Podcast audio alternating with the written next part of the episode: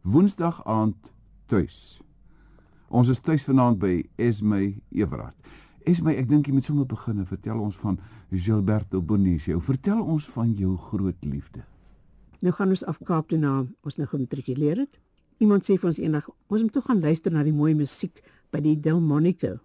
Was so 'n pragtige ou restaurant, dit bestaan ook nie meer nie.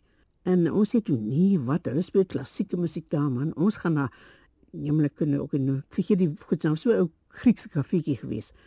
Daar speel hulle sulke lekker ligte musiek, jy weet, en lekker ons eet roomys en ons luister na die musiek, ritme en so aan. Ons bly net daar. Maar toe gebeur dit nou eendag dat Willie se suster na 'n partytjie toe moes gaan en Piet sê toe ons toe met die kar neem en ons moet nou vir Babsie, die suster, by die partytjie van ou Lord Pieter gaan aflaai. En dan moet ons nou maar maar wag eers sien ons toe maar ons het nie gehad eintlik om iets te doen nie maar ons gaan toe maar na na die en daar is die man so mooi met sy pikswart hare en blou oë en en en en wat jy tails in in Afrikaans jy weet hy het aanpak. Ja aanpak. Uh, um, manelpak. Ja, manelpak jy weet. Ja. daar daar nog so gespeel. En swaalster swaalster dis die woord. ja, ja. En hy speel die viool te pragtig so klein sextet. Jongen dit natuurlik ek het nou die man gekyk En dit was ook nou maar die laaste ding. Hoe oud is jy toe? Toe was ek 17. Ai. Toe was ek 17. Ja. En ons do meu ser cartas longas extensas iguais ao meu longo sofrer cartas d'amor cartas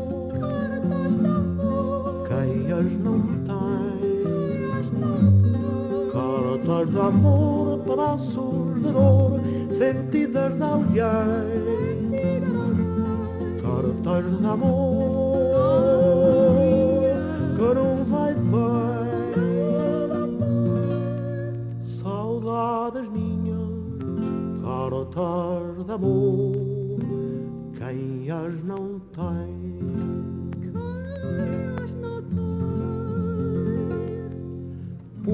Porém de ti nem sequer uma carta de amor Uma carta vulgar recebi para acalmar minha dor. Mas mesmo assim eu para ti deixei de escrever Pois bem sabes que tu para mim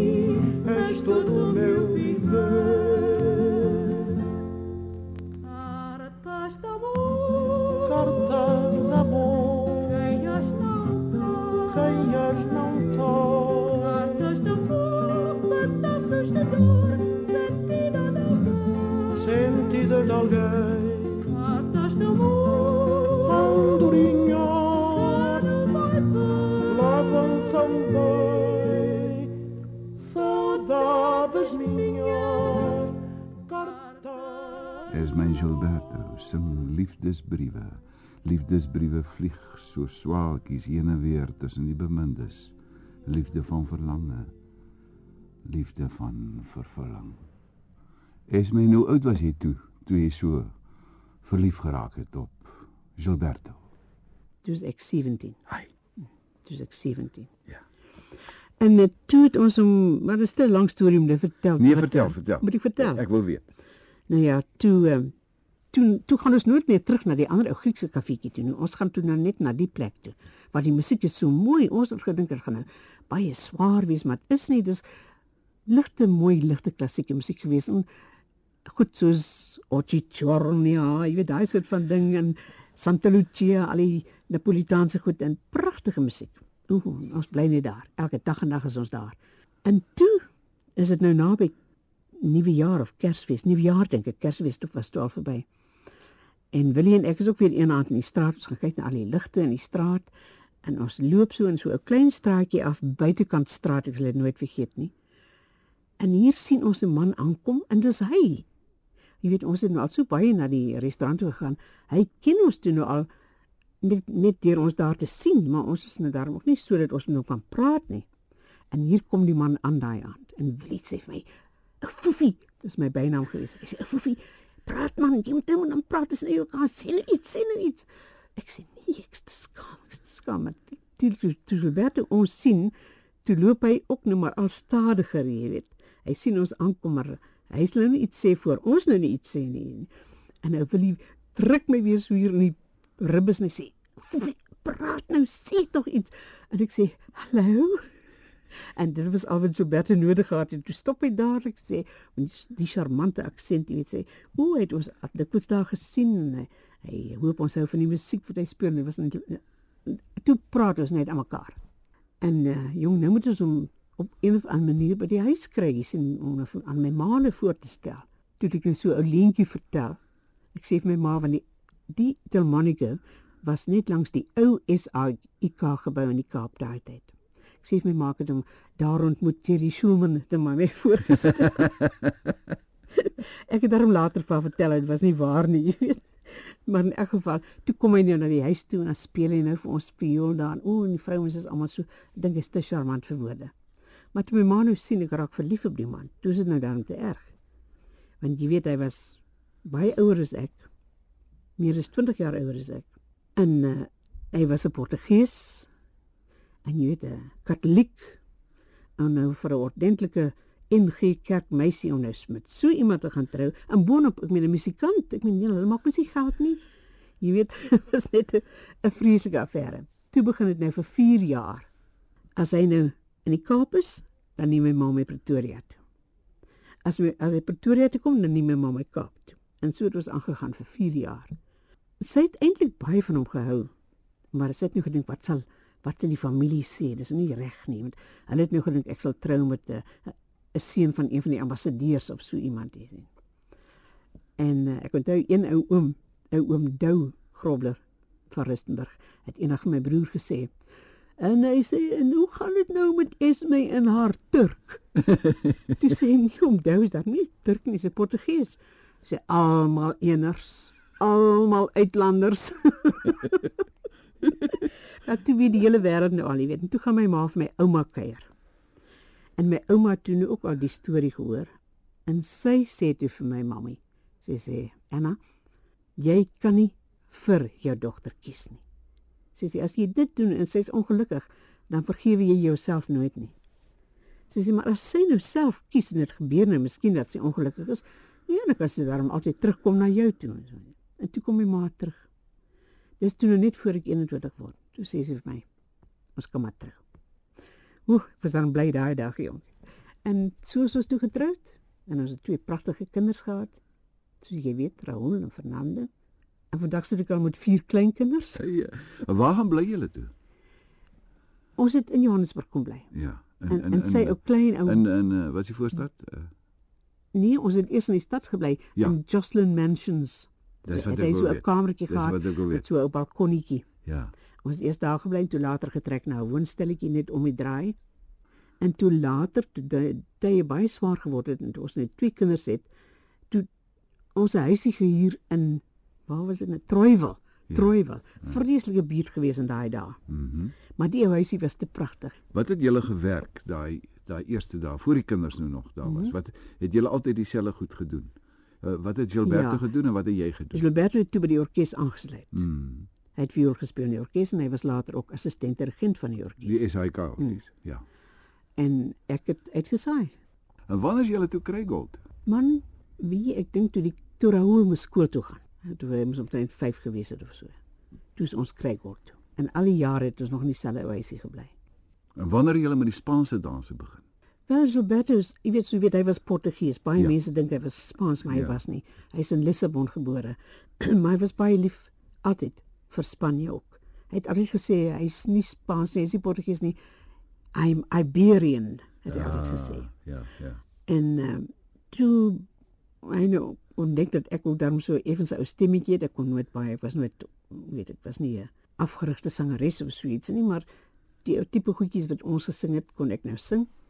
En toe begin hy vir my die goedjies leer. So het dit maar aangegaan en toe kom Mercedes Molina hiernatoe. Maar voor dit al het hy vir ander mense ook gespeel. Maar uh, toe sy nou kom, toe begin dit nou eintlik. Want toe soek sy nou iemand wat gitaar kan speel vra. En toe ontmoet ons vir Mercedes en hulle het toe toe so toe open sy haar atelier hier en hy het toe altyd vir haar gespeel. En en later toe die kinders nou begin groot word, het hulle ook begin gitaar speel, né? Ja, hulle Hmm. speel nou nog, ek is so bly daaroor. Ja. Want toe hulle nou op skool was, jy weet, was hulle hulle nie so baie belang gestel nie. Mm. Daai dae was dit nou die rock and roll. Ooh, jemmel nee, hulle wil net die hele dag rock and roll speel. Dan sê hy vir hulle First you go and play your Beethoven, then you go and play your rock and roll. en hulle klavier gespeel sien. Ja. Snaaks en aardig genoeg, eers na hulle pa se dood is dit dat hulle werklik waar asof hulle gevoel het hulle hulle is dit aan hom verskuldig, jy weet, dat hulle begin ja, met, ja. met die flamenco gitaar. Ja. As jy daaroor kan praat en vir my vertel van uh, Gilberto se ongeluk, dan sal ek dit baie waardeer. Ek praat graag daaroor. Mm. want dis waar ek baie dinge geleer het. Jy weet dit was net so ruk voor ons 25 jaar sou getroud gewees het. Ek onthou dit baie goed. Was op die 14de Augustus net die 17de verjaar. 14de Augustus 1965. Ons het nou net so rukkie voor dit ons besluit ons gaan nou nie meer Saterdagoggende werk nie. Ons gaan net by mekaar bly Saterdagoggende. En hy kan in, in die log cabin sit en sy musiek skryf en ek doen my ou dingetjies wat ek wil doen en so aan. Maar daardie Saterdag het ek gereël om my hare te laat doen in die stad. Man en ons is toe dorp toe. En jy weet ons het baie keer beklei in die kar. As ons laat is, beklei ons al die pad ons inry. En daai dag dank die Vader het ons nie beklei nie. Ons ry toe in en hy laai my af by die haarkapper en hy gaan toe sy dingetjies doen. En ek het vir hom gesê hy moet vir my 12:30 moet hy my kry voor die haarkapper. Man en ek wag en ek wag. Hy kom nie. Bel die huis. Rou Fernando antwoord en hy sê nee, pappa is nie daar nie. En uh, toe nou half 3 is en hy's nog nie terug. Hy ek het nog nie van hom gehoor nie. Toe het ek maar 'n hier 'n motor gekry en ek ry toe huis toe. Toe ek by die huis kom, toe kom Fernando uitgehaal en sê mamma, hulle het nou net gebel van die hospitaal en sê pappa was nou ongeluk betrokke, hy is in die hospitaal. Ons jaag toe in en uh, ons kom toe daar omtrent so half 4 dink ek. Toe is hy alreeds opgeneem in die saal. Hy het ons geken. Hy was nog heeltemal by sy bewussyn want hy sê toe vir my daai aand sou hy vir Mercedes begelei by 'n konsert gereël deur die burgemeester en hy sê toe nog vir my sê you must let Mercedes know I won't be able to play. En hy sê Fernando, you'll have to play tonight. Hy sê because I don't think I'll be able to do it. Maar omtrent toe rukkie later kom daar 'n 'n 'n doktertjie in, 'n jong doktertjie en hy sê vir my, "Was jou man toe toe hy ingekom het, het hulle ekstrale geneem?" Sê ek, "Nee, nie wat ek van weet nie." Want hy het nog self daar ingeloop, hy het nie siek gelyk of ietsie, net die, die by sy voorkop was er so 'n merkie.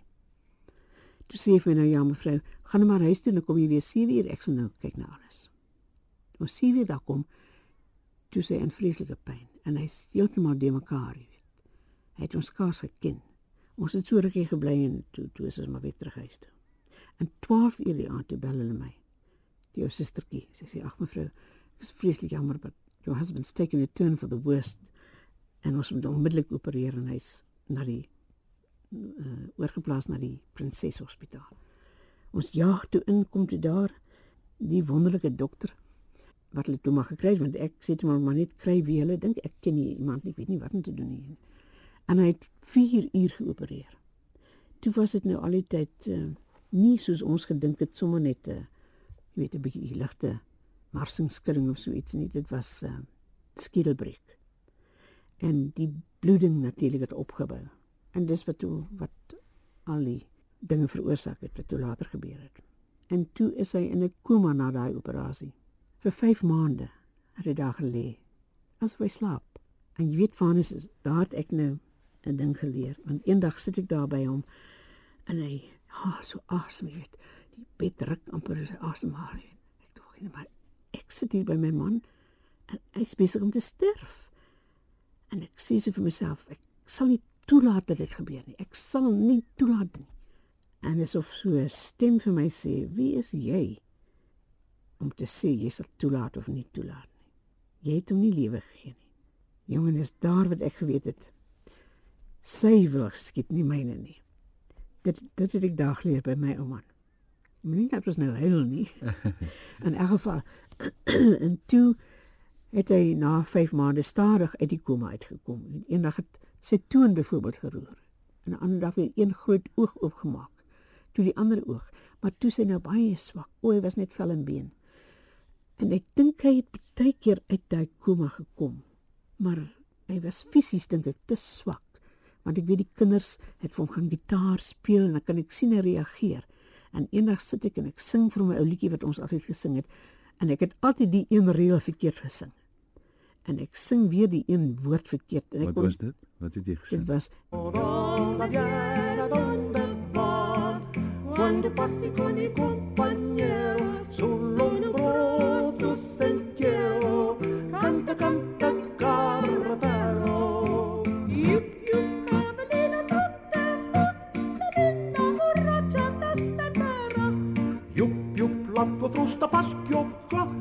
son un saluto sarò d'onda viene, d'onda vas, spensierati dai cortero, come brutale